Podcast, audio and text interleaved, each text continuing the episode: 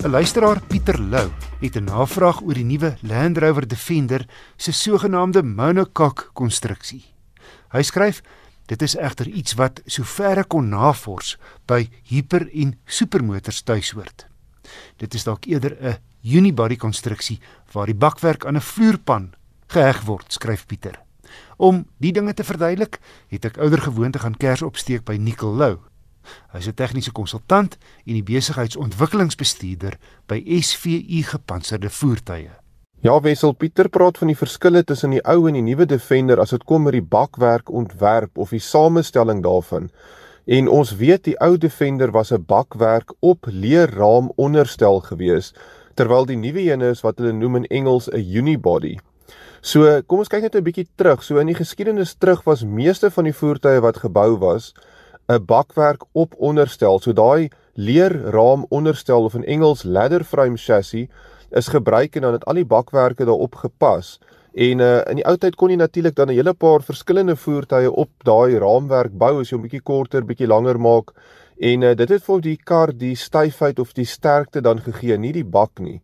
Nou vandag veral vir passasierskarre het ingenieurs agtergekom dat hulle kan daai kragte baie meer versprei deur die bakwerk van die voertuig met die monteringspunte van die suspensie en so aan in die bakwerk self. En uh, dan is die voertuig heelwat ligter, hy's miskien torsioneel self sterker as 'n 'n leerraam onderstel.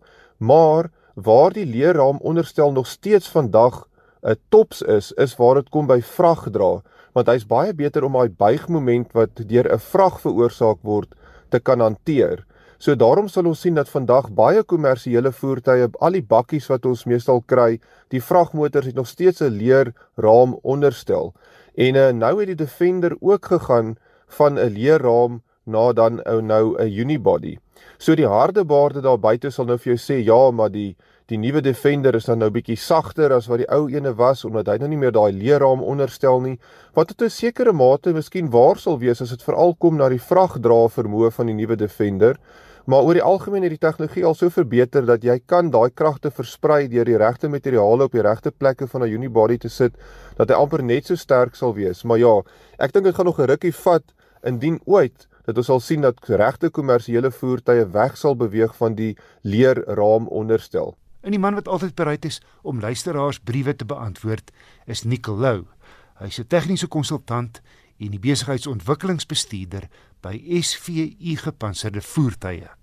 Stuur gerus enige motornavrae na my deur te e-pos na wissel@rsg.co.za.